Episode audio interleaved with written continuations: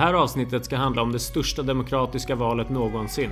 I hela mänsklighetens historia. 900 miljoner människor ska rösta i Indien.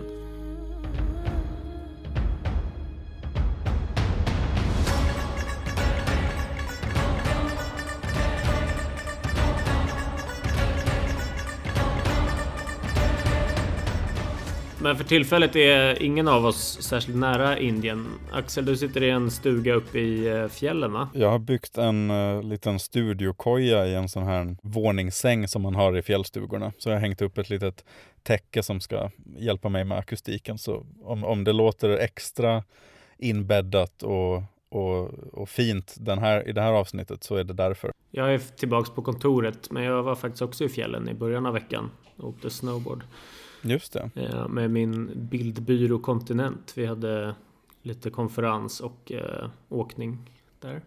Härligt. Men eh, innan du drog till fjällen så har du knarkat eh, debattprogram har jag hört. Du har harassat mig på Messenger om, om hur roligt det är. Berätta lite om det. Ja, alltså jag har varit helt fast vid eh, indisk tv, eller i, i, engelskspråkig indisk tv, där de har diskuterat det, det stundande valet i Indien.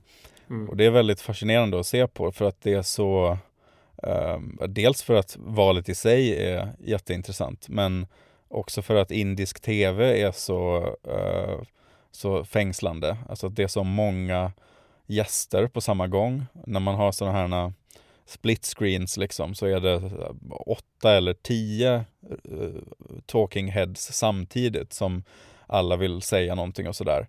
Jag såg någon, eh, någon eh, paneldebatt också där de hade tio personer på scenen som alla ville prata samtidigt och sådär.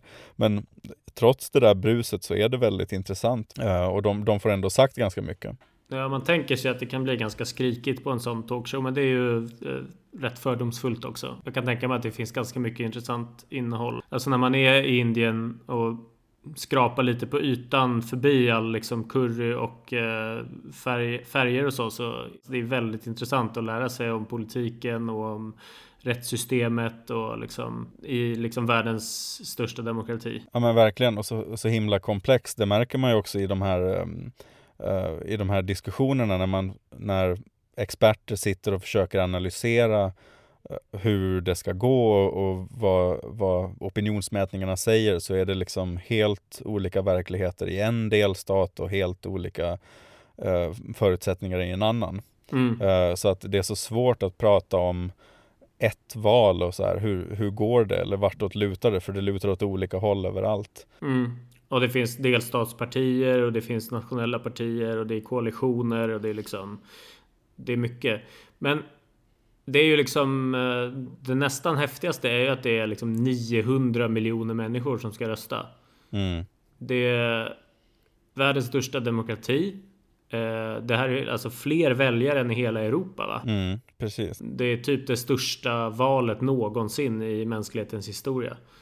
Det måste ju vara det. Alltså jag, jag blev, jag hörde några uh, indiska bedömare som sa det, att det här är Eh, det största demokratiska eh, valet någonsin. Och det, det, är ju rimligt om man tänker att Indien är världens största demokrati och Indien blir ju större för varje år som går. Så varje val där borde ju vara det, liksom slå nytt rekord så att säga. Ja, de har väl också på senare år liksom eh, jobbat rätt hårt med att registrera människor och det gör väl fler röstberättigade och sådär också. Eh, i, med folkräkningar och sånt liksom.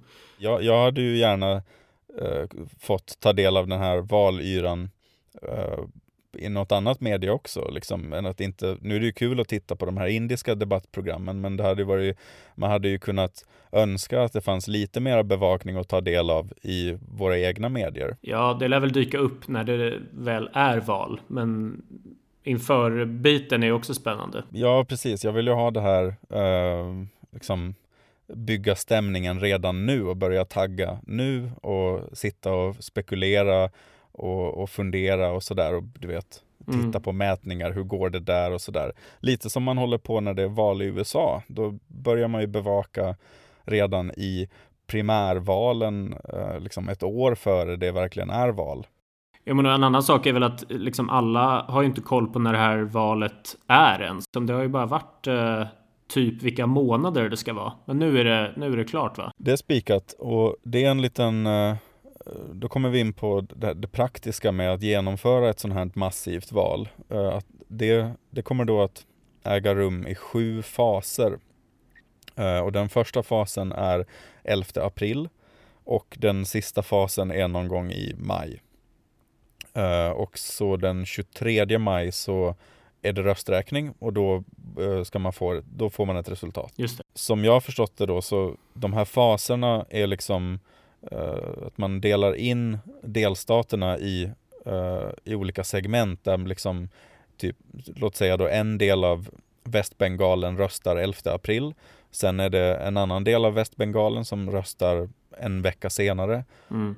och sådär, så att man delar upp valet och det är väl jag är lite osäker på tanken bakom, men det är väl att, uh, att underlätta logistiskt eller att uh, säkerställa att man, det kan gå rätt till. Ja, det låter ju som uh, att det åtminstone skulle underlätta logistiskt. För att om 900 miljoner ska gå samtidigt liksom, till vallokalerna så blir det väl system shutdown och strömmen lär gå hela landet på en gång och allting. Det har ju påpekats att den sittande premiärministern Narendra Modi är en, han är en väldigt stark person, stark personlighet och en duktig kampanjare och att han, hans liksom, stil som politiker gynnas av att ha en väldigt utdragen och lång valrörelse där Mm. Eh, som pågår så här i flera faser och där han kan åka runt. Ja, då hinner han runt till alla delstater liksom eh, samma vecka som de ska rösta. Och mm. det blir svårt också att hålla liksom någon vettig valvaka när det är utspritt under så lång tid. ja, det är klart. Det hade ju varit kul om, om du och jag kunde köra en, en livepodd eller liksom eh, bara valvaka själva. Men det, det tar ju en månad eller någonting. Ja, alltså vi får ju lägga det till, det får ju läggas på på rösträkningsdagen i så fall, på, på den 23. Jo. Det blir inte riktigt samma sak. De, alltså rösträkningen har ju underlättats uh, sen de, de har infört sådana här elektroniska röstmaskiner. Det är ju en maskin där man helt enkelt trycker på, på den man vill rösta på så, så registreras det eh, digitalt liksom. Mm. Um, du hör min skepsis, men det är för att jag, jag vill ju ha, jag tycker det är fint att få, få välja papper och med olika färger och man får kryssa och sådär. Absolut, men du är inte ensam där heller, för det, det, finns en, det har funnits en väldigt stor skepsis också i Indien mot det här systemet, för man, ja, men, folk är osäkra är det helt säkert det här systemet? Kan det manipuleras? Mm. Jag menar, det är ju inte samma sak som när man själv håller i sitt papper och sätter krysset på pappret. Liksom. Det verkar ändå som att alltså, det här indiska systemet känns väldigt uh, safe. Alltså om det var så att uh, den sittande mm, liksom, sittande regeringen använde sig av de här, eh, manipulerade de här maskinerna för att hålla sig kvar, då hade man ju sett en förändring i antalet uh, regeringar som liksom vinner omval. Men det har varit tvärtom, att det, det blivit vanligare att regeringar har bytts ut efter att de här maskinerna infördes.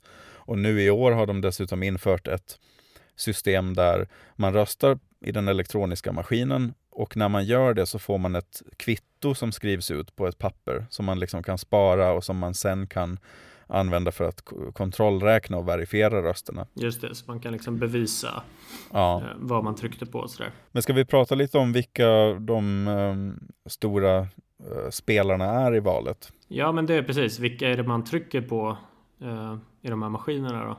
Mm. Um, och det är ju framförallt då det stora BJP, BJP som är eh, regeringsparti just nu.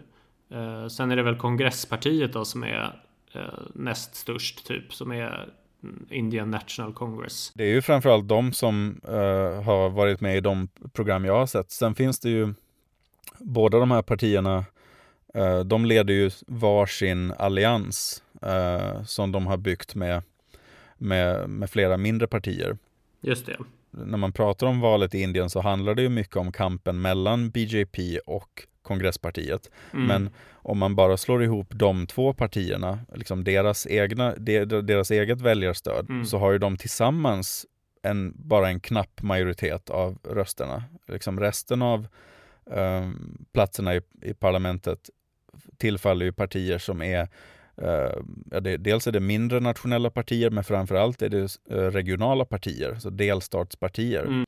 Ja just det, så det är, det är liksom koalitionerna som är grejen lite grann. Verkligen. Men även där har det ju varit en stor förändring eh, sen förra valet i alla fall. Att eh, BJPs koalition NDA har, har tappat ganska mycket och har inte majoritet knappt längre. Just det. Jo, men vi kan ju, vi kan ju snacka lite om mätningarna, vad det, vartåt det barkar. Vad, eh, har du tittat på dem? Ja, men jag har kikat lite grann eh, och den senaste från, från mars nu visar ju att det bara är alltså, eh, majoritet med en stol i, i underhuset eller i kongressen.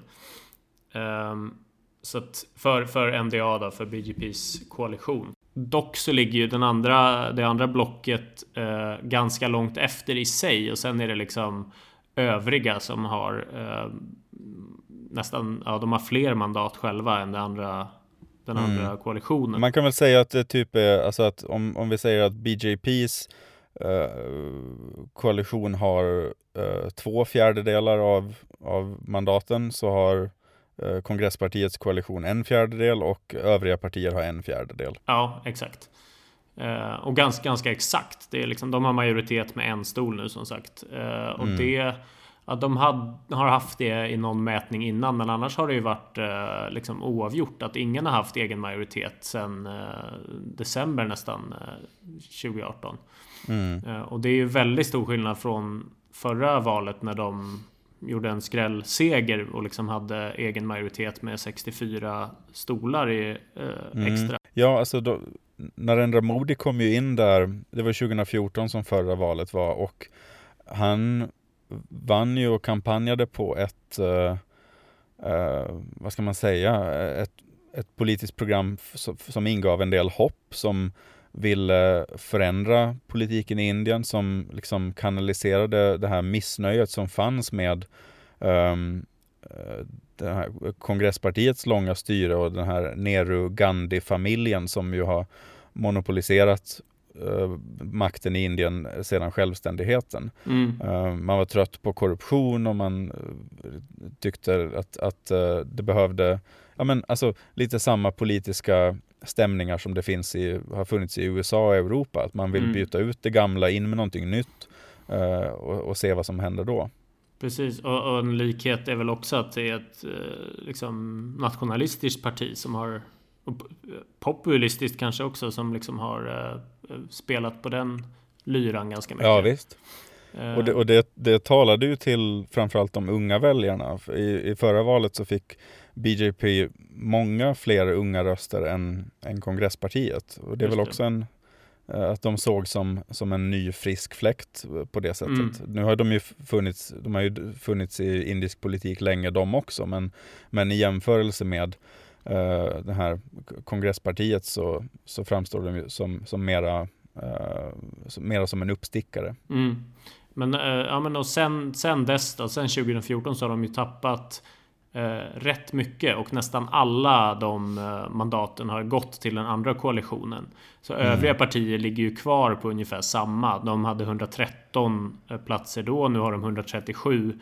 Men UPA eh, kongress, alltså Indian National Congress eh, koalitionen har ju gått från 60 till 133. Mm. Eh, så det är ju liksom båda de har ju ökat men UPA har ju verkligen mer än fördubblat sina stolar i opinionen i alla fall och BJP-koalitionen det är ju därifrån de kommer ser det ut som. Mm. Ja, och det är ju ganska naturligt på sätt och vis om man tänker att dels att det finns en stark tradition i Indien av att, ehm, att, att straffa eh, regeringar, eh, att, att liksom vilja byta ut regeringar som sitter vid makten. Um, och ihop med att BJP kom in på en väldigt ambitiös uh, liksom, politisk plattform. De skulle förändra saker, de skulle göra, de, hade, de lovade ju väldigt mycket. Mm. Kampanjade på hopp och förändring som jag sa. Och det är ju alltid svårt att leva upp till det och det tar tid innan man ser förändringar också i, eh, på marken. Mm. Eh, så att eh, det, det, är ju ganska väntat att, att, eh, att BJP och regeringskoalitionen har, har svårt att leva upp till samma hype som, som 2014. Jag tycker ju när man ser på de här två ledarna när de kampanjer så visst, Rahul Gandhi är lite Uh, ser lite yngre ut, lite fräschare och sådär. Men, men, men Modi har ju en sån uh, karisma och en utstrålning och en, en helt annan typ av politiker, tycker jag man ser när man bara man tittar på dem när de, när de talar och kampanjar. Mm. Ja, men han vågar väl ta plats liksom. Han är ju modig som sagt. Snyggt. uh... Jo, men exakt. Han, han, han är en, verkligen en sån Uh, men, han beskrivs ju ofta som nästan presidentiell i sin utstrålning och att det är lite så han, uh, han lägger upp den här valrörelsen också. Att han, mm. det ska handla om honom och uh, det är klart att han vill gärna få det till en popularitetstävling mellan honom och Rahul Gandhi och där, om det blir en sån om det är det som är tävlingen, då vinner ju han, eh, verkar det som. Men mm. förmodligen är ju väljarna klokare än så, att det handlar om mera en person, det handlar om politik och om, om, eh, om resultat. Mm. Och sen är det också att även om Rahul Gandhi är relativt ung så representerar han ju samtidigt något väldigt gammalt. Alltså hans, eh, hans farmor var Indira Gandhi mm. och hon i sin tur var dotter till uh, Jawaharlal Nehru Eh, så han är ju liksom sjätte generationen i den här Nehru Gandhi-familjen som har styrt Indien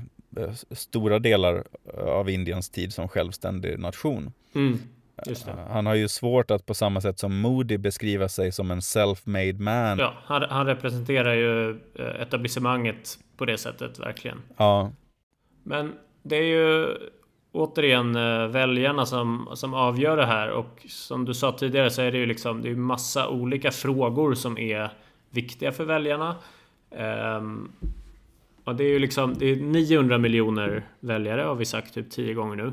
Mm. Uh, och det är ganska många nya väljare, unga människor uh, den här gången också. Ja. Det är nästan 10% som liksom röstar för, för första gången. Precis. Uh, och det kan ju, alltså 10% i det här valet kan ju verkligen eh, göra en stor swing också när det är så, så nära just nu i, i opinionsmätningarna. Verkligen. Det är ju den stora frågan liksom hur, hur de, hur den här unga gruppen um, upplever utvecklingen under Modis fem år vid makten. Mm. Å ena sidan så har man en väldigt hög uh, ungdomsarbetslöshet, runt 20% Men frågan är i vilken utsträckning de här unga uh, känner det, om, om det är, så, ungdomar som fortfarande studerar. Uh, alltså i, i vilken mån upplever man att det här påverkar dem. Mm. Um, men absolut, det är, det är ju unga, om vi ska tala om liksom vilka är det som avgör valet, så är det ju i första hand kanske um, dels är det de unga och så är det ju uh, människorna på landsbygden, alltså där två tredjedelar av indierna bor. Ja, precis. Alltså de flesta verkar ju tycka att uh, ekonomin har blivit bättre med Modi. Ja, man har en eh, hyfsat stabil tillväxt att visa på. Eller vad, vad är det den ligger på? 6-7 procent. Inte illa för, för, för ett, ett land som Indien. Nej, det är ju ganska mycket. Um, och sen är de, har en lista här med liksom de huvudsakliga frågorna som, som folk tycker mm. är viktiga. Och arbetslösheten är ju en key issue verkligen. De, det är 37% tycker att det är en av de viktigaste frågorna. Mm. Eh, den näst högsta är priset på ris som 19% tycker är den viktigaste. Just det. Eh, och det hänger ihop med, med hur jobbigt det är med eh, ja, farm distress, står det. Jag vet inte hur jag ska översätta det liksom problemet med, med jordbruket och det, hur hårt det kan vara. Eh, det tycker många är jobbigt men har blivit bättre. Ehm, och, men, och sen är det, tycker majoritet också att det inte har skapats tillräckligt mycket med jobb. Mm. Eh, så det är liksom, ekonomin går bättre. Ehm, arbetslösheten är en av de viktigaste frågorna och de flesta tycker inte att det har skapats tillräckligt mycket jobb. Så att det finns ju en... Där finns ju en, en kärnpunkt som, som de måste försöka försvara sig mot på något sätt. Ja exakt, för det är ju, frågan är ju då om man kan, visst man kan visa upp då en, en uh, stabil tillväxt men var äger den tillväxten rum? Om det då är i de här megastäderna i Delhi, Mumbai och så vidare så är det ju inte nödvändigtvis så att majoriteten av väljarna får ta del av den tillväxten. Alltså om, om alla väljarna i Uttar Pradesh till exempel. Um, han har ju också, Modi har ju också försökt eh, nå unga genom att uh, lansera en mobilapp. Uh, Just det. Namu. Där man kan uh, lämna feedback direkt till honom tydligen. Jag vet väl inte om det är han som sitter och svarar där kanske men jag såg en bild på, på en nyhet om appen. Då satt han liksom med och höll i en smartphone som om, som om då han satt där och lyssnade in vad folket kände och så. Men... Ja, ja, men det, det, tar väl upp rätt mycket tid om man ska lyssna på 10% ja, av 900 miljoner. Men eh, ja, och där kan man också så här betygsätta regeringen och partiledare och, eller lokala ledare och sådär. Mm. Eh, vi får väl se om det slår igenom. Eh, Ja, jag tycker det är ett, ett, eh, spännande grepp. Men, uh... Det är en kul idé med eh, direkt kontakt med makten sådär ju på ett sätt. Um, mm. Men det är ju förmodligen inte direkt kontakt med makten riktigt. Nej. Um, Vi kan följa upp det du sa där om, om de här viktiga frågorna med ekonomin mm. uh, och jobben och jordbruket. Så det som liksom i ett, i ett vanligt val så hade det ju varit det kanske som avgjorde utgången. Och mm. eh, så länge diskussionen handlade om de här frågorna så hade Modi och BJP det ganska kämpigt med, eh, eh, med, med opinionen. Men sen hände ju någonting som lite ställde allt det här på ända. Ja men just det och det är väl eh, bland annat den här äh, konflikten i Kashmir och, och med Pakistan där Alltså några av BJPs kritiker menar att man försöker dölja alla sina misslyckanden genom att liksom blåsa upp nationalismen och säkerhetsfrågan och liksom ta mycket plats genom att slå på stora trumman när de kan med flygvapen och sånt. Mm. Vi pratade ju om det i ett tidigare avsnitt av, av podden. Det som mm. började med den här uh, terrorattacken i Pulwama där uh, ett 40-tal var det väl indiska paramilitära soldater dödades av en självmordsbombare. som sen utlöste hela den här uh, spänningen mellan Indien och Pakistan när man uh, attackerade varandra med, uh, med flygvapnen. Ehm, det, det, är ju spänt fortfarande än idag. Ehm, men men den här, som du säger, den här krigsstämningen kom ju in och blev plötsligt en, gjorde det till en helt annan valrörelse än vad det var tidigare. Ja, och, och om man leder ett land så, så, får man ju automatiskt väldigt mycket plats och utrymme i media och så när det händer något sånt här också så att man kan liksom eh, basunera ut sig själv och sitt budskap mycket mer. Eh. Precis, och, och Modi fick liksom en chans att bli lite mer av den här landsfadern han vill vara och mm. Bete sig som en, uh, ja men som att det nästan är han som har uh, slagit tillbaka pakistanierna personligen. Mm. Just det, ja men de, de, har väl fått kritik för det också som, jag vet inte om du sa det, uh, att man liksom politiserar armén och, och använder de här styrkorna i valkampanjen nästan och det är ju Ja, det händer väl eh, överallt i världen nästan men det är det är bra att det uppmärksammas. Så det ja, men, förändrar ju valrörelsen helt klart. uh, och, och det är känsligt i Indien som ju vill, man är väldigt noga med det konstitutionella ändå, att, att, att regeringen är civil och den ska vara frånkopplad från det militära. Mm. Um, att, och att man, man, det finns en väldig stolthet kring uh, militären och man vill inte att den ska dras in i den här politiska uh, liksom, tuppfäktningen. Nej. Men det är ju det den har gjort nu. Mm. Uh, ja men ja, precis, jag har till och med jag tror det finns någon, någon bild med någon valaffisch där Modi liksom är med den här till, tillfångatagna piloten som de har fått tillbaks då från Pakistan. Alltså det är ju verkligen att liksom Exakt. Utnyttja det här tillfället. Och det dök upp också i en av de här eh, debatterna jag satt och kollade på på indisk tv så var det en politiker med från BJP mm. och när diskussionen handlade då om vad, ja, men vad, har ni, vad har ni åstadkommit, vad har ni gjort? Och då började han ta credit för den här bombningen av vad, som, vad Indien sa var ett terrorläger inne i Pakistan. Mm. Han, han sa då att ja, men vi, har, vi har lyckats med det här och det här och vi har lyckats att slå ut, uh, vi har lyckats med den här attacken i, i Balakot.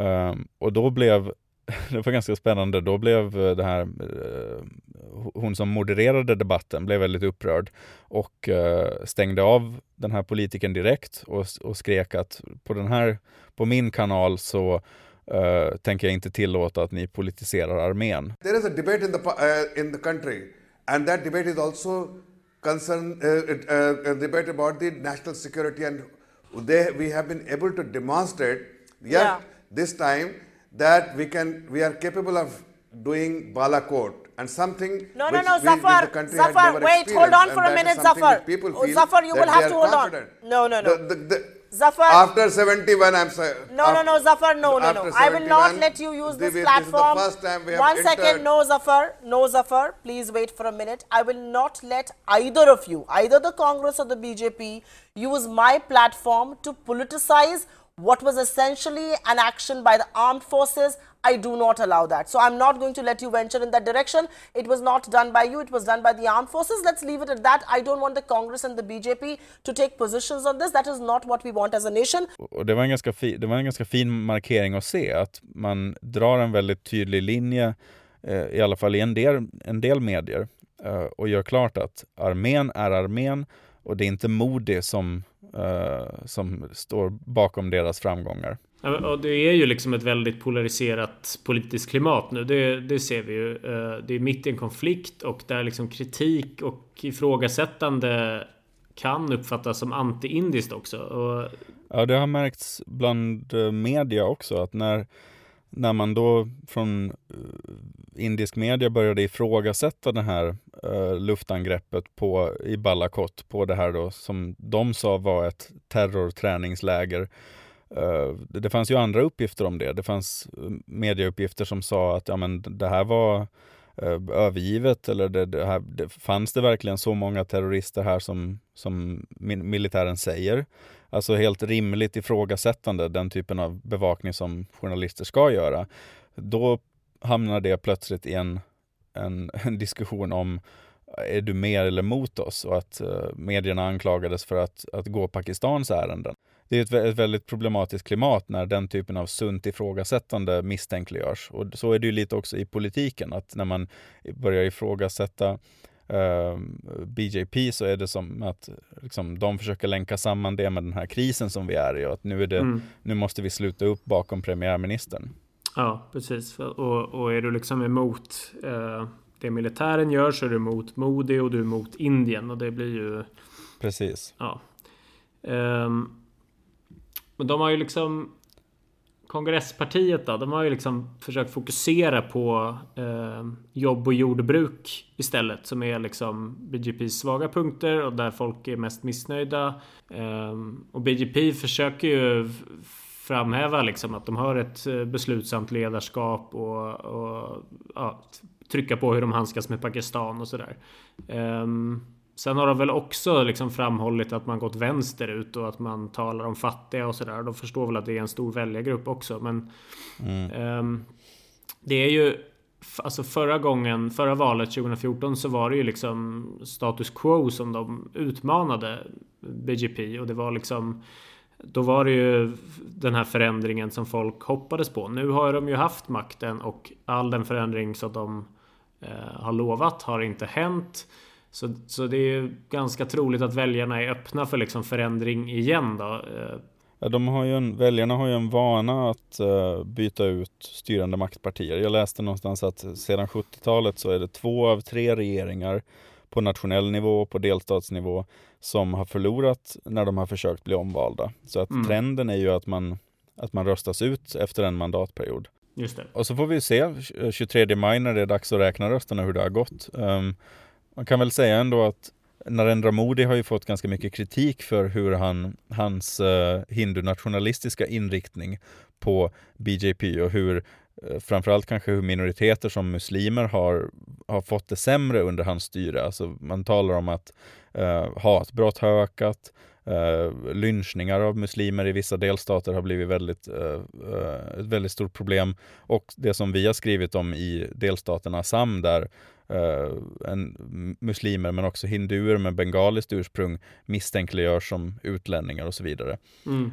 så det är ju en, det är en väldigt oroande utveckling. Men med det sagt så får man ändå konstatera att den indiska demokratin verkar vara ganska hälsosam. Alltså, det är i alla fall det intrycket jag får när jag tittar på de här eh, debatterna och, och, och programmen och läser om valet och man inser hur, hur svårt det är för en enda ledare att bli en sån här stark man mm. som tar kontroll över ett land. I, i, de, i mera elaka jämförelser så har man ju liknat Narendra Modi vid eh, Vladimir Putin eller med Turkiets Erdogan. Mm. Uh, men just det här att man har så här många delstater med så här många folkgrupper, så många olika kaster, religioner, mm.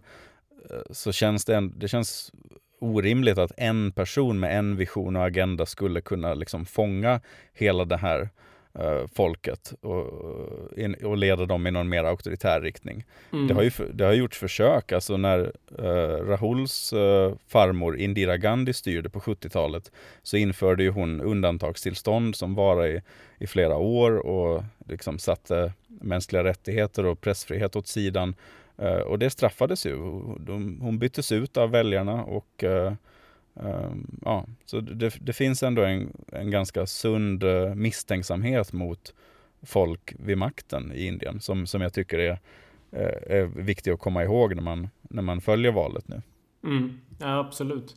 Och det är liksom Valet är ju som du säger, det är utspritt liksom mellan 29 delstater eh, och två av tre människor bor på landsbygden. Så det är liksom Det är inte så hög koncentration kring städerna. Men sen är det ju vissa delstater som är väldigt stora och väldigt viktiga. Till exempel Uttar Pradesh som är den, den största. De har 80 mandat bara där. Eh, och det eh, har väl varit en, en hindukonservativ och eh, nationalistisk dominans där i alla fall. Ehm, men även där har vi ju sett ett, liksom, ett dropp i stödet för, för eh, Modi. Eh, det här eh, andra koalitionen är, är, såklart ännu mindre men nu är det faktiskt två övriga koalitioner som har liksom eh, mest mandat där och har haft nästan hela, hela perioden. Eh, så att det liksom det är en sån swing state som man snackar om i USA där det verkligen kan kan påverka mycket om det liksom hela den eh, röstar åt ett eller annat håll så gör det väldigt stor skillnad. Ja verkligen. Och de har ju, vad är det, 200 miljoner invånare eller någonting sånt? Ja men precis. Det är gigantiskt. Det är liksom, skulle ju vara Ja, det är väldigt stort för om det skulle vara ett eget land också liksom. Nej, alltså det är ju någonting man, eh, det, det är någonting att hålla ögonen på. Mm. Ja men så liksom sammanfattningsvis är ju det här ett eh, högst osäkert val i nuläget. Eh, det kan verkligen gå åt vilket håll som helst känns det som. Ja, NDA har inte, har knappt inte egen majoritet, vilket gör att det finns verkligen en chans för andra att, eh, att ta sig in ordentligt nu också. Um, ja, men det, det, är väldigt spännande helt enkelt. Uh, och det här med att de byter regering ofta. Det finns en, eh, en eh, gammal aktivist från 60-talet. Han, han, var socialistledare och aktivist i eh, självständighetsrörelsen som, som sa att den indiska regeringen är som ett tunnbröd. Den måste vändas på stekplattan så den inte bränns. Det är en ganska bra citat. Jag tycker det är väldigt bra. Det är liksom... Ja, det säger allt. Ja, ja det gör verkligen det. Ja, eh, vi kanske ska avsluta på det bara då. Jag avslutar med de visdomsorden.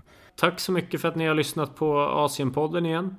Uh, vi finns på Facebook, där heter vi Asienpodden. Vi finns uh, på sociala medier i övrigt med uh, på Instagram och sådär. Där heter vi A Kronholm och V Stokstad.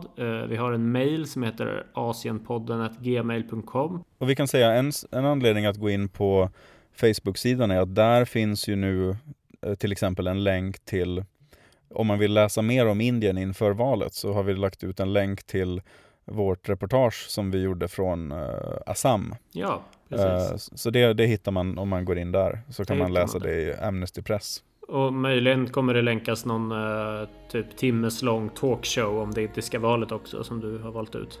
Ja just det, jo men det kan jag göra. ja. Kanske den där hon avbryter den här politikern. Det vore rätt ja. roligt. Bra. Tack Då för säger idag. vi så. Ja. Ha det gött. Ha det gött. Hej.